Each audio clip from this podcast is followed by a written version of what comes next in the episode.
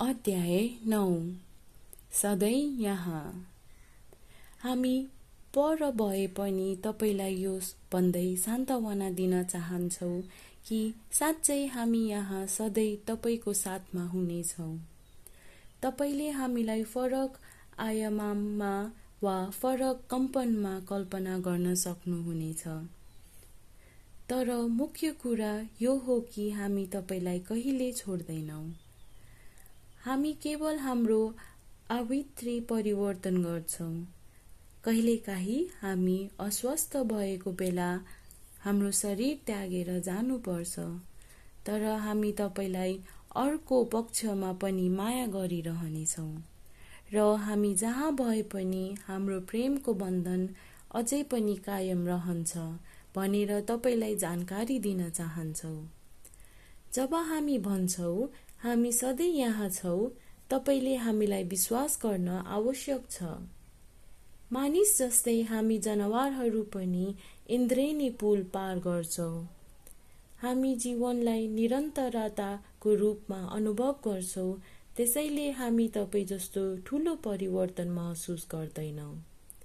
हामी पार गरिसकेपछि हामीसँग कुरा गर्नको लागि हामी तपाईँलाई स्वागत गर्दछौँ।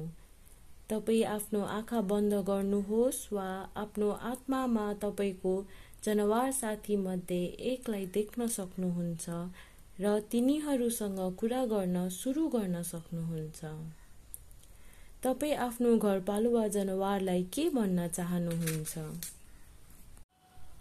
हुनसक्छ ती चिजहरू हुन् जुन तपाईँले हामीलाई बताउनु भएको थियो वा हुनसक्छ ती चिजहरू हुन् जुन तपाईँले महसुस गर्नुभयो कि तपाईँले हामी बित्नु अघि हामीलाई बताउन चाहनुहुन्थ्यो?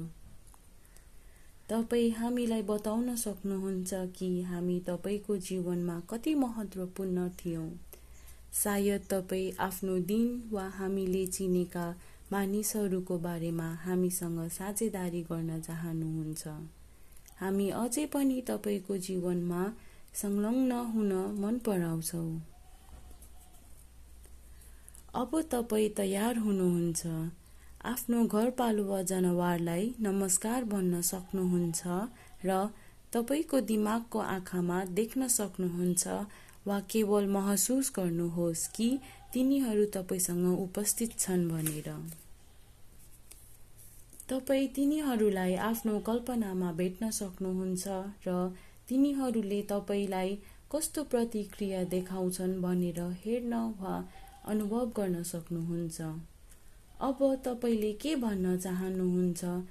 भएको थियो भन्न सुरु गर्न सक्नुहुन्छ। तपाईँले आफ्नो पाल्तु जनावरलाई यी कुराहरू भनिरहँदा तिनीहरूले कस्तो प्रतिक्रिया देखाउँछन् विचार गर्न सक्नुहुन्छ। के तपाईँले याद गर्नुभयो कि तिनीहरूले तपाईँको शब्दहरू कसरी लिइरहेका छौ भनेर?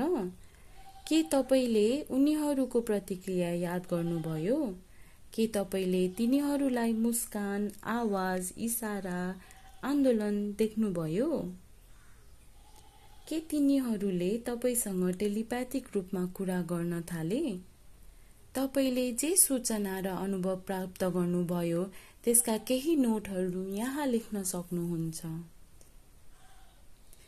यदि तपाईँ जनावरहरूबाट उज्यालो संसारबाट तपाईँसँग जोडिने इच्छाको बारेमा थप सुन्न चाहनुहुन्छ भने हामीले सधैँ यहाँ नामक पुस्तक सिर्जना गरेका छौँ।